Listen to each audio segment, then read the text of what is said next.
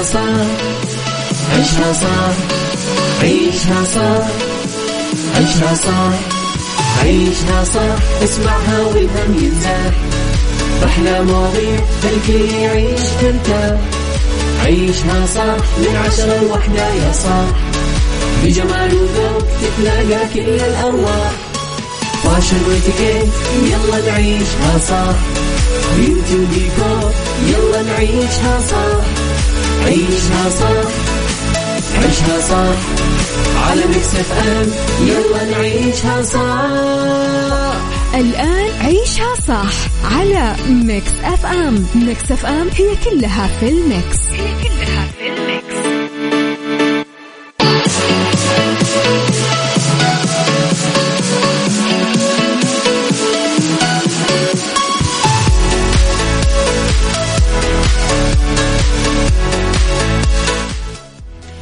يا صباح الخير صباح الورد صباح الجمال السعادة الرضا المحبة التوفيق والفلاح. تحياتي لكم وين ما كنتم. صباحكم خير. من وين ما كنتم تسمعوني أرحب فيكم من وراء ال mic وال control. أنا أميرة العباس. بيوم جديد حلقة جديدة مواضيع جديدة وساعات جديدة. ساعتنا الأولى أخبار طريفة وغريبة من حول العالم. جديد الفن والفنانين وآخر القرارات اللي صدرت. ساعتنا الثانية قضية رأي عام وضيوف مختصين. ساعتنا الثالثة صحة جمال ديكور ربط أحزمة ميكس hacks beauty the right track و star of the week وإتيكيت وغيره من الفقرات الحلوة. على تردداتنا بكل مناطق المملكة تسمعونا على رابط البث المباشر على تطبيق ميكس أف أم أندرويد وآي أو إس أكيد إحنا دايما موجودين. تقدرون دايما ترسلوا لي رسائلكم الحلوة على صفر خمسة أربعة ثمانية واحد سبعة صفر صفر. وعلى at ميكس إف إم راديو تويتر سناب شات إنستغرام فيسبوك جديدنا كواليسنا تغطياتنا وأخبار الإذاعة والمذيعين صبحوا علي مستمعينا واكتبوا لي رسالاتكم الحلوة وأسماءكم على صفر خمسة أربعة ثمانية واحد سبعة صفر صفر أبي أسألكم لو اخترت أغنية الصباح إيش بتكون؟ إيش أغنية الصباح بالنسبة لك؟ عيشها صح مع أميرة العباس على ميكس أف أم. ميكس أف أم هي كلها في الميكس. هي كلها في الميكس.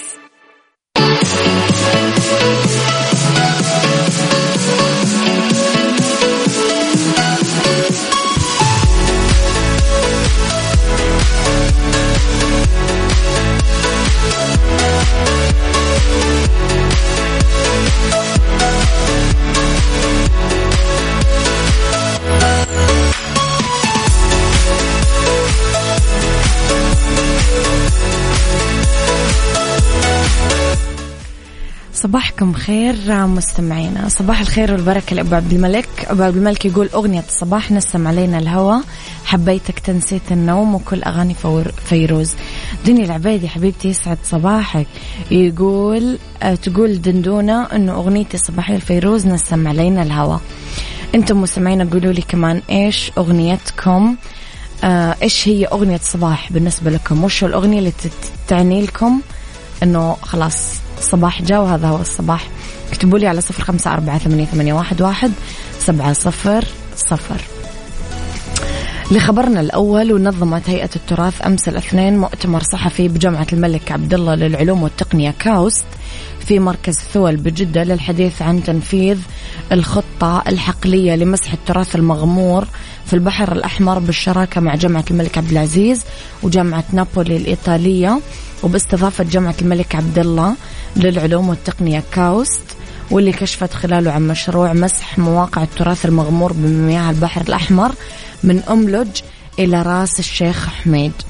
قال الرئيس التنفيذي لهيئة التراث دكتور جاسر بن سليمان الحربش خلال المؤتمر الصحفي أنه لقائنا اليوم يأتي ضمن سياسة الهيئة في إطلاع وسائل الإعلام والمجتمع المحلي والمهتمين بالقطاع التراثي على مواقع التراث الثقافي والأعمال والجهود التي تقوم بها بالشراكة مع المؤسسات العلمية والمنظمات الدولية لإكتشاف هذه المواقع ومشاركة نتائج المسوحات الأثرية اللي تجريها الفرق العلمية في الهيئة والجهات المتعاونة معها مؤكد أن المؤتمر سيعرف بتراث ثقافي لا يقل أهمية عن الموقع على اليابسة وهو التراث الثقافي المغمور بالمياه في البحر الأحمر.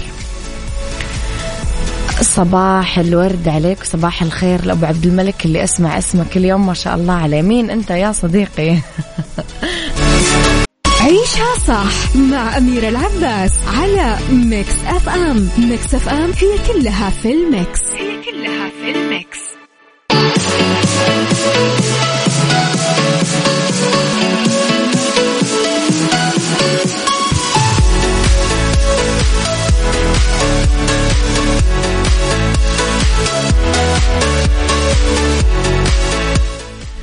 صباحكم وردة مستمعين السلام عليكم. صباح البسبوسة المصرية بالبندق. القاعدة الصباحية أغاني فيروزية. قاعدة المساء والسهرة أغاني كلثومية زهير صالح بسيف من مكة المكرمة. يا سلام. وإيش رأيك تضيف كمان آه عبد الحليم؟ عبد الحليم حلو في الليل ولا كيف؟ صباح الياسمين لكم جميعا. فيروز أيقونة أغاني الصباح وأغلب أغانيها نسمعها في الصباح. بسام الورافي إذا حتى الآن فيروز متصدرة. إيش رأيكم يا جماعة؟ قولوا لي رأيكم. إيش تحبون تسمعون أغاني في الصباح؟ إيش أغنية الصباح بالنسبة لكم؟ اكتبوا لي على صفر خمسة أربعة ثمانية, واحد, سبعة صفر صفر اللي خبرنا الفني وأشاد الفنان عبد المحسن النمر بأداء الفنانة هدى حسين في مسلسل ست الحسن اللي عرض مؤخرا. ست الحسن ينتمي لنوعية أعمال التشويق اللي تحكي قصص عن الجريمة يناقش عدد كبير من القضايا الاجتماعية يضم عدد كبير من النجوم على رأسهم هدى حسين عبد المحسن النمر آه سعاد محمد هند البلوشي وآخرين. تأليف محمد شمس علي شمس من إخراج باسم شعبو. نشر عبد المحسن النمر صورة تجمعه بالفنانة هدى حسين آه في إنستغرام وقال دائما العمل مع الكبار له مذاقه الخاص. والأستاذة هدى حسين على رأس القائمة. كل التهاني والتبريكات على هذا التفرد والتميز. أم حسين والقادم أفضل كما تعودنا. كل الود ست الحسن. صراحة يا جماعة خليني أقول لكم اللي ما شاف ست الحسن فات كثير. عيشها صح مع أميرة العباس على ميكس أف أم. ميكس أف أم هي كلها في الميكس. هي كلها في الميكس.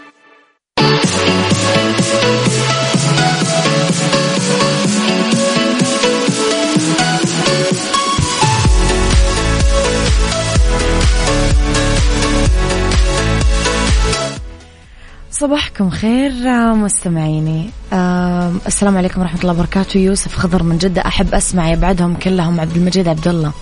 أسعد الله صباحك بكل خير وسعادة. صباحك ورد.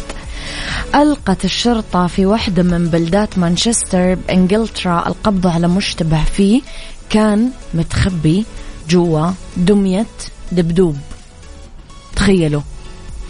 ولأنه قاعد يتنفس جوا الدمية فهو دلهم على نفسه من الآخر. غردت شرطة مانشستر الكبرى لما شفنا هذا الدبدوب الضخم يتنفس آه، أثناء مطاردة لص آه، حسينا أنه في حاجة مو صح. بعدين لقينا المشتبه فيه محشو جوا الدب. لقيت الشرطة الشاب اللي يبلغ من العمر 18 سنة جوا الدب ذهبوا لاعتقال آه لاعتقاله لأنه سرق سيارة بمايو وما دفع ثمن البنزين بنفس اليوم. قالت شرطة مانشستر الكبرى في بلدة آه، روتش روتشديل على فيسبوك يوم الأربعاء إنه محشو الآن خلف القضبان بعد ما حكموا عليه الأسبوع الماضي بسرقة سيارة وقيادة السيارة وهو غير مؤهل والفرار من محطة بنزين بدون مقابل وأشارت الشرطة إنه حكم عليه بالسجن تسع شهور. دبدوب دبدوب يعني أنت تركت كل شيء وتخبيت جوا دبدوب. دبدوب. Thank you.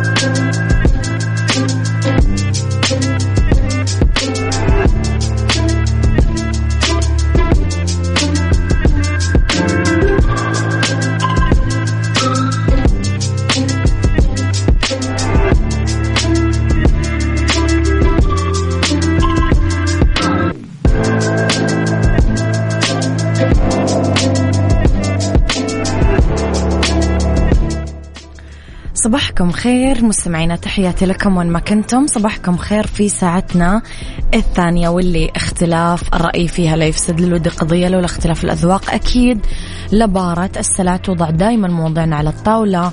العيوب المزايا السلبيات الإيجابيات السيئات الحسنات. وتكونون أنتم أكيد الحكم الأول والأخير بالموضوع. بنهاية الحلقة نحاول أننا نصل لحل العقدة ولمربط الفرس. لما نسأل كبار السن وش اللي بيسوونه لو رجع فيهم الزمن لورا أغلبهم يقولون لو رجع فيني الوقت ما كنت في هذا الوضع.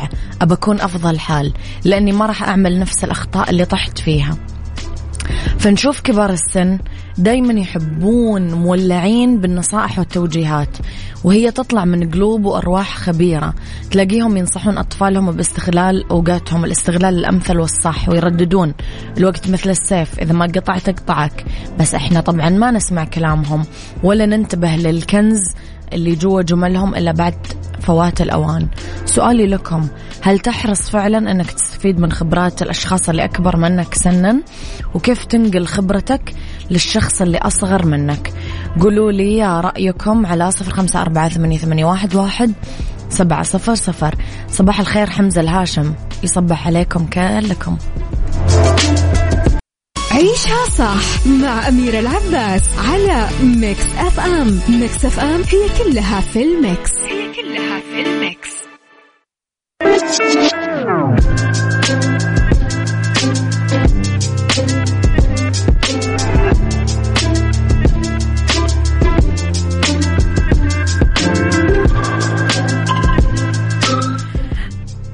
أبو يزن يقول صباح الورد. أكيد أستفيد من كبار السن ومن تجاربهم ومن خبراتهم بس في ناس ما تصدق وناس ما تقتنع لين يطيح الفاس بالراس ومن الحكم. يقول لك لسانك حصانك إن صنت صانك وإن خنت خانك. هذه حكمة أخذتها من كبير سن وفادتني. أنا أشهد يا عمر. أنا لسه يعني في الفترة الأخيرة من حياتي صرت كثير أقول ليش قالوا هذه الحكمة. وصرت أحلل أحلل وأقول من جد صدق قديش إذا كان ال آه، يعني ال ال الكلام من فضة فالسكوت من ذهب. مو على الفاضي انقالت. ربنا خلق لنا اثنين وفم واحد مو على الفاضي عشان نسمع أكثر مما نتكلم. فصدق وش كثر السكوت مهم وش كثر الواحد ينتبه على لسانه لأنه هو راس البلاوي وراس المصايب. فأنا أتفق جدا. معظم أطفالنا يمكن يمضون وقتهم بأمور ما لها أي فايدة ولا تفيدهم بشيء. وهم في الحقيقة يفقدون فرص كبيرة من النجاح والتعلم وزيادة خبراتهم وتحصين مستقبلهم. توماس أديسون عنده كلمة حلوة قال فيها لا يجب أبدا إضاعة الوقت في اختراع أشياء ما راح يشتريها الناس. كثير من المشاكل اللي نقع فيها هي نتاج قلة الخبرة عدم المهارة بالتعامل مع المواقف والأحداث بشكل سليم وصحي. هل من بيننا ناس تسأل ليش تنخفض المشاكل اللي تنتج عن كبار السن؟ يعني كل ما زاد عمر الإنسان بتلاحظ أنه نسبة المشاكل بهذه الفئة تقل وتنخفض. وفي دراسات وبحوث رصدت مثل هذه الأشياء. السبب مو لأنه عددهم قليل لا هم موجودين هم خيرنا وبركتنا. لا في سبب آخر خبرة مهارات حياتية ما يردون خلاص على كل حدث أو مشكلة تطلع بطريقهم. مشاكل وصعوبات الحياة هي اللي صقلتهم وعلمتهم كيف يتعاملون ويعالجون كل شيء يعترض طريقهم. كل هذا النضج والحكمة هي بس بمثابة سلعة تم اكتسابها أو شرائها لما دفع الثمن هو مضي العمر. ومثل ما قال المؤلف المسرحي البريطاني توم ستوبارد العمر باهظ جدا لتدفع ثمنا لتدفعه ثمنا للنضوج. فنصيحة لي ولكم ولنا كلنا أستأنسوا برأي كبار السن بكل خطوة بكل قرار. استشيروهم. لأنه ما راح تخيبون ولا تندمون والكل أم وأب. إذا بغيتم فعلا أطفالكم يتميزون تفكيرهم يوسع جلسوهم مع كبار السن. عماتهم خالاتهم جدهم جدتهم لأنهم كنوز صدق لا تقدر بثمن أبدا. عافيتك ضمن عيشها صح مع أميرة العباس. عافيتك برعاية المركز الطبي الدولي على ميكس أف أم.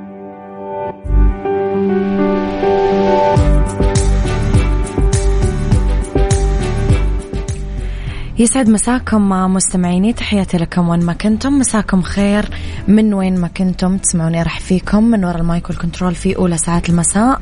وآخر ساعات عيشها صح.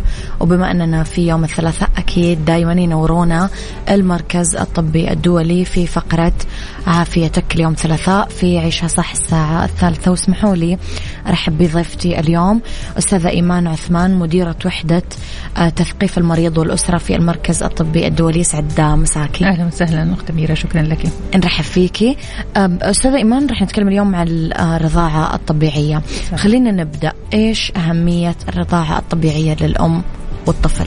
ولاحظنا أستاذ ايمان إنه جمعنا الأم والطفل مو بس اهميته للطفل أكيد أكيد طيب آه أول حاجة شكرا لاستضافتكم لي في هذا اليوم إحنا في شهر أغسطس وهو الشهر اللي بنحتفل فيه عالميا بأسبوع الرضاعة الطبيعية نعم.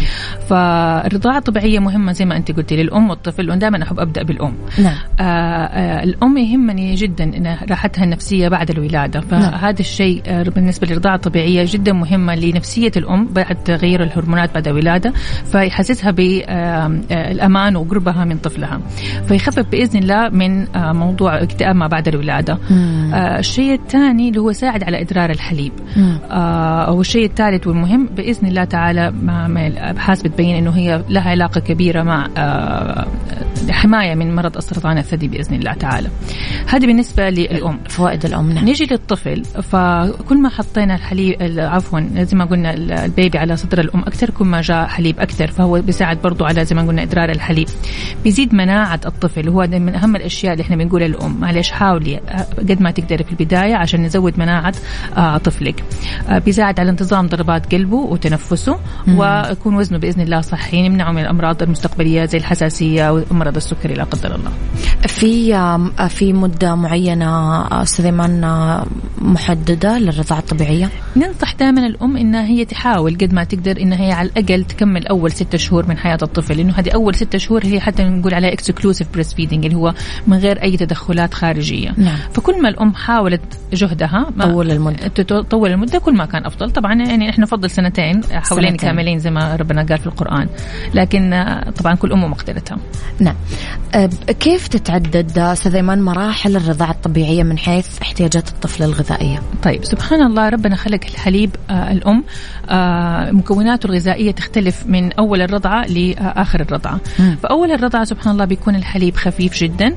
آه، يروي عطش الطفل مكوناته الغذائية خفيفة. آه، بعد ما تكمل فترة معينة من أول الرضاعة يبدأ سبحان الله الحليب يتكون يصير حتى لونه مختلف ويبدأ البروتينات والفيتامينات والمعادن يحتاجها الطفل للنمو تكون في هذيك الفترة. عشان كذا دائما أقول للأم لا من أول عشر دقائق مثلا أو أقل آه، خلاص تشيل الطفل تحطيه مثلا على الثدي الآخر عشان هو ما كمل احتياجاته كاملة من هذه الرضعة فهذه مكوناته سبحان الله. وبرضه بيتغير تكون الحليب مو بس في الرضعه الواحده على مدة الرضاعة. يعني أول ما يتولد الطفل بيكون بس اللبا.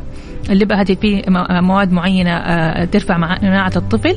بعد مثلا ثالث رابع يوم كل واحدة ام حسب جسمها. بيبدأ يجي الحليب اللي هو الكامل اللي هي آه، يعني يفيده غذائيا ويبدأ يزيد من نموه. بعد كده مثلا على ثلاثة شهور 40 كل مرحلة يعني سبحان الله عمرية لها احتياجاتها. فسبحان الله جسم الأم بيعطي الحليب اللي يحتاجه الطفل حسب آه، مرحلته العمرية. سبحان الله. إيش أبرز الأخطاء؟ أستاذ إيمان اللي ممكن آه، تعملها الامهات خلال فترة الرضاعة الطبيعية. ذكرتي مثلا موضوع العشرة دقائق خلينا نشرحه هو كيف لازم يكون؟ يعني أنا دائما أقول للأم حاولي في البداية ما تخلي الطفل أكثر من أقل عفوا من مثلا 15 20 دقيقة على الثدي الواحد. خلي طفلك ياخذ راحته يرضع رضعة كاملة وبعد كده إذا شبع ونام تحطيه مثلا آه، الرضعة اللي بعدها تحطيه على الثدي الآخر. لكن لو ما شبع لسه تخلي مثلا تنقلي. تنقلي في نفس الرضعة بحيث بس إنه يكمل اتليست مثلا 20 دقيقة. مم. بحيث إنه ياخذ كل الفوائد اللي يحتاجها آه، من الرضعه الواحده آه، وأهم مشكلة دائما نواجهها مع الأمهات موضوع الاستسلام من أول يوم في الولادة تجي تقول لك أنا ما عندي حليب. أوه. فهذا أهم نقطة عشان نشجع الرضاعة الطبيعية. دائما نقول لها أيوه أنت ما حتحسي بالحليب، يعني أول ثلاثة أيام يمكن حتحسي إنه ما في ما عندك حليب لكن هو بيجي له الحليب. يعني الحليب اللي يحتاجه الطفل في أول اللبا اللي بنقول عليه اللبا بيكون تقريبا مقداره زي حبة المشمش أو حبة الكرز طبعا. قليل جدا. جدا. مم. بس هذا اللي يحتاجه. فتقول لك طب هو بي يعني الطفل بمصه حسه هو شبع يعني جيعان لسه. الطفل في هذه المرحلة لو سألته دكاترة الأطفال حيقول لك هو يحتاج نسميها sucking reflex اللي هي حركة المص هذه بتشعره بالأمان وهو قريب من الطفل. فهي different يعني مدارس مختلفة. في دكاترة أطفال أو مستشارين رضاعة طبيعية يرفضوا تماما موضوع المصاصة عشان لا يصير في اختلاف يعني في الحلمات فما فما يرفضوها تماما. أنا دائما نصيرة الأم فأقول لها إذا طفلك عرف يمسك صدرك وعرف يرضع آه ما في مانع. عشان تخففي عنك آه هذا ال stress أو الضغط النفسي إنك أنت بعد ما خلاص يعرف يرضع الطفل تبدأي ممكن يعني تدخلي موضوع المصاصة عشان خاطر تساعده في هذا الشيء بس مو عشان الرضاعة. فإذا الاستسلام هي واحدة من المشاكل. تصير على طول تعطي الحليب هي ترضعه يعني. هي ترضعه. أيوه. يعني هو إذا ما رضع آه، من أول يعني من أول ما مسك آه، صدر الأم صح؟ ديك الساعة حيدخل طبعا انه الحلامات الصناعية والرضاعات الصناعية أسهل للطفل بكثير من الأم في مجهود كبير للطفل الأم فعشان كده يستسهل. نعم أستاذ إيمان إحنا راح نطلع أذان الظهر ونكمل الأخطاء أكيد. التي تقع فيها آه، الأمهات أثناء فترة آه، الرضاعة الطبيعية. اللي عنده أي سؤال لأستاذ إيمان please اكتب لنا إياه على صفر خمسة أربعة ثمانية, ثمانية واحد, سبعة صفر صفر.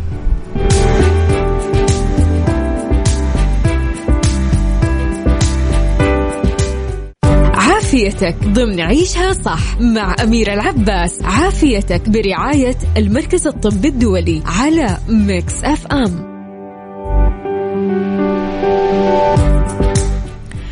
تحياتي لكم مستمعينا من وين ما كنتم تسمعوني. أرحب مجددا بضيفتي أستاذة إيمان عثمان مديرة وحدة تثقيف المريض والأسرة في المركز الطبي الدولي. موضوعنا اليوم عن الرضاعة الطبيعية وأكرر اللي حاب يسألنا أي سؤال يسأل أستاذة إيمان يكتب لنا على صفر أربعة ثمانية, ثمانية واحد, واحد سبعة صفر صفر. أستاذة إيمان بالعودة لسؤالنا قبل الأذان أبرز الأخطاء اللي ممكن تقع فيها الأمهات أثناء فترة الرضاعة الطبيعية.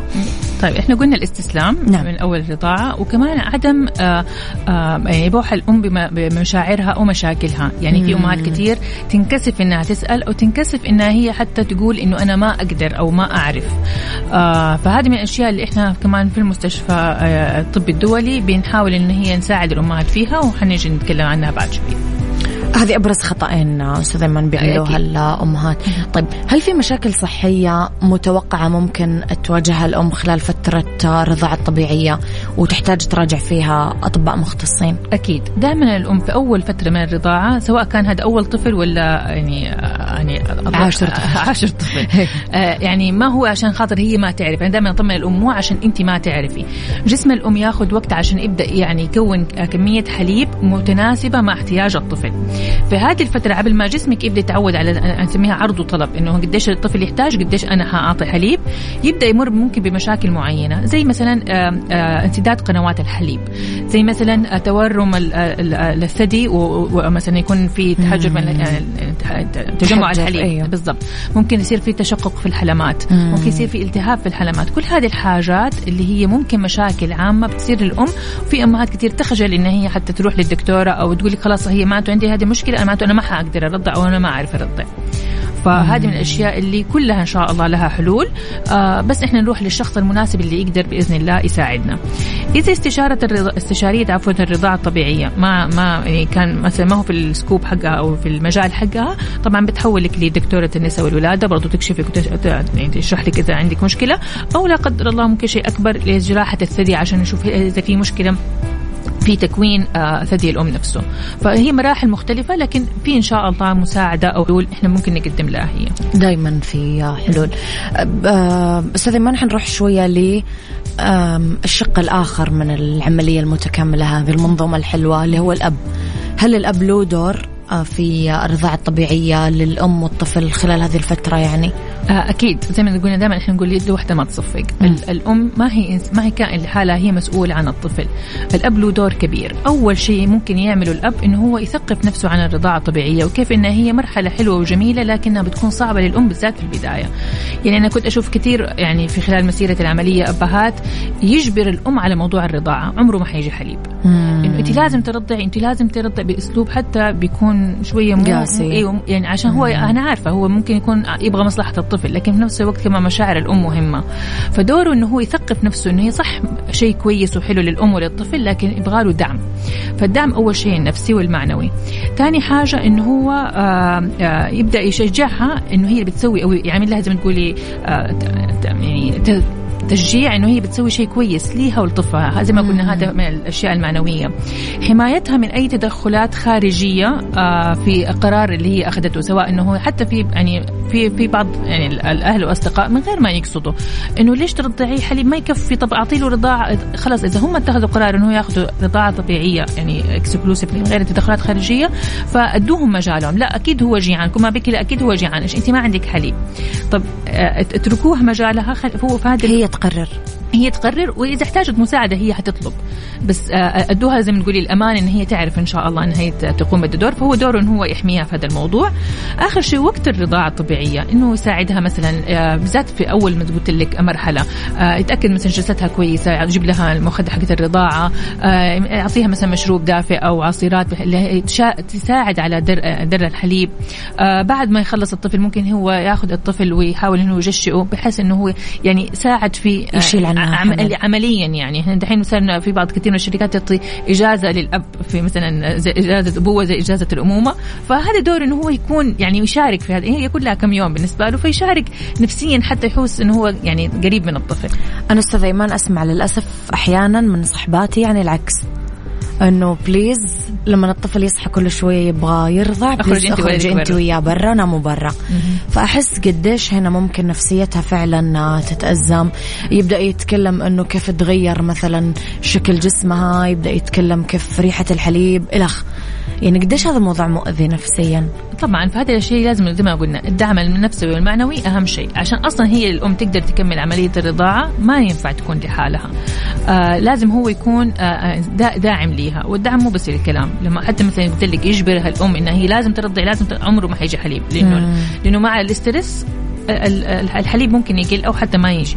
فهذا من الأشياء الضرورية اللي هو يعني إذا هو هام مصلحة الطفل آه، أو مصلحه الأم فهو لازم يعني يساعدها يتفهم هي إيش المشاكل اللي بتمر فيها. فهو كل ما يكون قريب منها طبعا أنا مو اختصاصي آه، آه، نفسي ولا أسري فيروحوا اختصاصيين أسريين يساعدوهم في حل هذه. المشكلة. ذكرتي الأهل والأصدقاء أستاذ أيمن إيش دورهم والمجتمع كامل في دعم الأم أثناء هذه الفترة فترة الرضاعة الطبيعية؟ طيب زي ما قلنا الأهل والأصدقاء ط- آه، دورهم مهم برضو جدا زي ما هو دور الأب في دعم قراراتها. آه إذا هي قررت إن هي تر- ترضع الأم رضاعة طبيعية ما يصير في تدخل خارجي إنه لا ما يكفي وما عارف إيش وكذا. as long as إنه الدكتور شاف إنه آه إحنا كيف نقول للأم إنه حليبك يكفي؟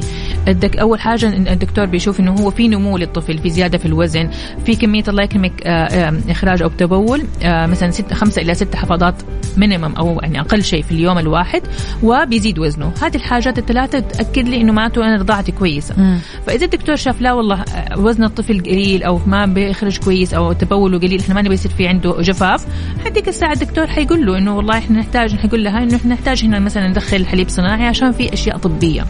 فندعمها اذا نرجع لسؤالنا ندعمها في قرارها. بالنسبة للمجتمع يعني أنا من زي ما نقول من هذا المنبر عندي رسالة لكل أصحاب ال- المؤسسات الشركات ال- الأسواق. الأماكن الترفيهية حقت الأطفال. آه، إحنا لما نقول ندعم الأم رضاعة طبيعية الدعم مو بس من نقول والله بالكلام, بالكلام. ونحتفل فيه مثلا عالميا. الدعم يكون بالفعل. يعني إحنا لما نروح مثلا أماكن عامة كأم أنا الحين بتكلم أنا لا أروح مكان عام.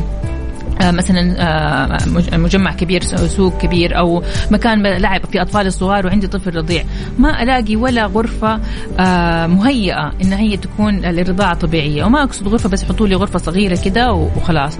لا غرفة تكون يعني آه، جميلة آه، الكرسي حقها مريح للرضاعة. في مثلا مكان اذا عندي أطفال أصغر مثلا يلعبوا من ما أنا مثلا أرضع طفلي. مهيأ يعني مكان مهيأ آه بالذات في الأشياء اللي نسميها family friendly زي ما إحنا بنقول آه نبغى مستشفيات صديقة للطفل.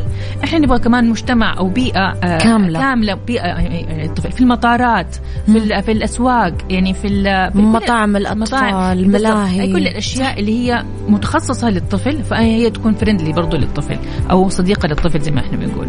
فهذه إن شاء الله بإذن الله فعلا هو غير موجود حاليا أستاذ إيمان يعني. أنا ما شفت لو أحد أنا ما شفت خليهم يرسلوا لي. يقولوا لي وأنا إيوه ليش لا؟ والله ممكن لو وفرناه أحس كثير رح نشيل الهم يعني يعني أنا للأسف زي ما أنت حضرتك قلتي لي. بشوف أمهات بترضع اللي هي ما شاء الله تبارك الله يعني بتكمل في, في الرضاعة رغم إنه ما في هذه الأشياء كلها اللي دحين.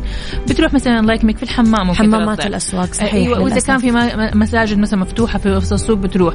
بس يعني رسالتنا تكون أحلى من كذا يعني الأم تستحق أحلى من كذا وأكثر من كذا فإن شاء الله ما يجي يعني عيد الأم السنة الجاية إلا هذا مشروع جاهز. يا رب عشان يكون احتفالنا حقيقي. إن شاء الله. ذكرتي يا أستاذة إيمان تطرقتي عدة مرات للدعم والتثقيف. إيش هي أوجه الدعم والتثقيف حول الرضاعة الطبيعية اللي يعملها المستشفى اليوم اتجاه الأمهات أه، سواء قبل الولادة أو بعدها. طيب إحنا عندنا في المستشفى الطبي الدولي أه، حصص بنسويها أو كلاسات بنسويها أونلاين عبر الزوم للأمهات اللي في مرحله لسه ما قبل الولادة بحيث ان هي تكون كل المعلومات اللي هي تحتاجها عندها قبل الولادة. يوم الولادة يعني وقت في الغرفة بتجيها أخصائية الرضاعة الطبيعية وتساعدها في الرضاعة. الرضاعة. فهي أخذت العلم خلاص ودحين إحنا في بنطبق. أو بنطبق.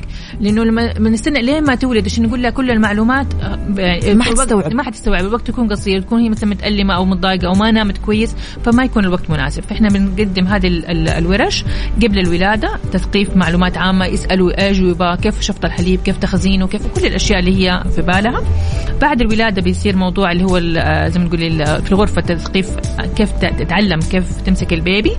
آه وإذا احتاجت برضو مساعدة بعد ما تخرج. عندنا برضو عيادات آه لاستشارة الرضاعة الطبيعية بحيث إنه هي تاخذ موعد وتجي نساعدها في أي مشكلة تواجهها. ممتاز. إذا واجهت مثلا الأم مشكلة أو صار عندها فجأة سؤال خلال مرحلة الرضاعة كيف ممكن تساعدونها؟ برضو زي ما قلنا لك إنه إحنا ممكن تجي على عيادة الأخصائية استشارة الرضاعة الطبيعية. آه، إذا كان هذا خارج عن آه، زي ما تقولي المجال حقها بنحولها لدكتورة النساء والولادة بتشوفها. برضو إذا كان موضوع أكبر من كده دكتورة النساء بتحولها لجراحة الثدي فحسب المرحلة بالضبط. اللي حسب السؤال حسب الشيء اللي هي تحتاجه. طب أستاذ ايمن بحلقة اليوم المثرية والموضوع الرائع إيش ممكن تكون نصيحتك اللي راح تقدمينها اليوم لكل أم بخصوص الرضاعه الطبيعيه آه، أول حاجة لا تستسلمي. الرضاعة الطبيعية شيء جدا حلو للأم والطفل. آه، مو بس شيء آه، يعني حلو للطفل أو مفيد للطفل. رابط سبحان الله جميل جدا بين الأم والطفل. ياخذ وقته عشان خاطر إنك أنت تقدري يعني تكوني. تكوني.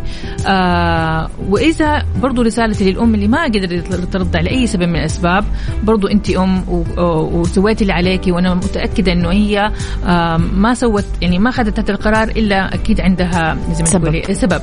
فما نقلل من من شأن أي أم. كل أم لها سبحان الله يعني آه، دائما في في هذه هذه الأيام بالذات بنشجعوا الرضاعة الطبيعية بحيث إنه يقللوا من آه، الأمهات الثانيين وأنا ما أحب ما أحب هذا الشعور ابدا. الاثنين الأمهات كويسين والاثنين بيحاولوا جهدهم وكل واحد له أسبابه. آه ودائما نقول لهم يعني عيشي أمومتك بعافية. الشعار دائما حق آه، مستشفى الطب الدولي. ونتمنى لهم إن شاء الله يعني أمومة سعيدة مع أطفالهم يا رب. نتمنى لك حياة سعيدة أستاذة إيمان. يعطيك ألف عافية. على موضوع اليوم صراحة موضوع حلو مبهج وإن شاء الله كل الأمهات تكون آه، آه، سعيدة دائما لأنه زي ما ذكرتي حضرتك كل أم عظيمة بحد ذاتها وبتجربتها وبقدراتها. آه، أستاذة إيمان عثمان مديرة وحدة تثقيف المريض والأسرة في المركز الطبي الدولي. يعطيك ألف عافية أستاذة إيمان نورتيني. شكرا. أشكرك.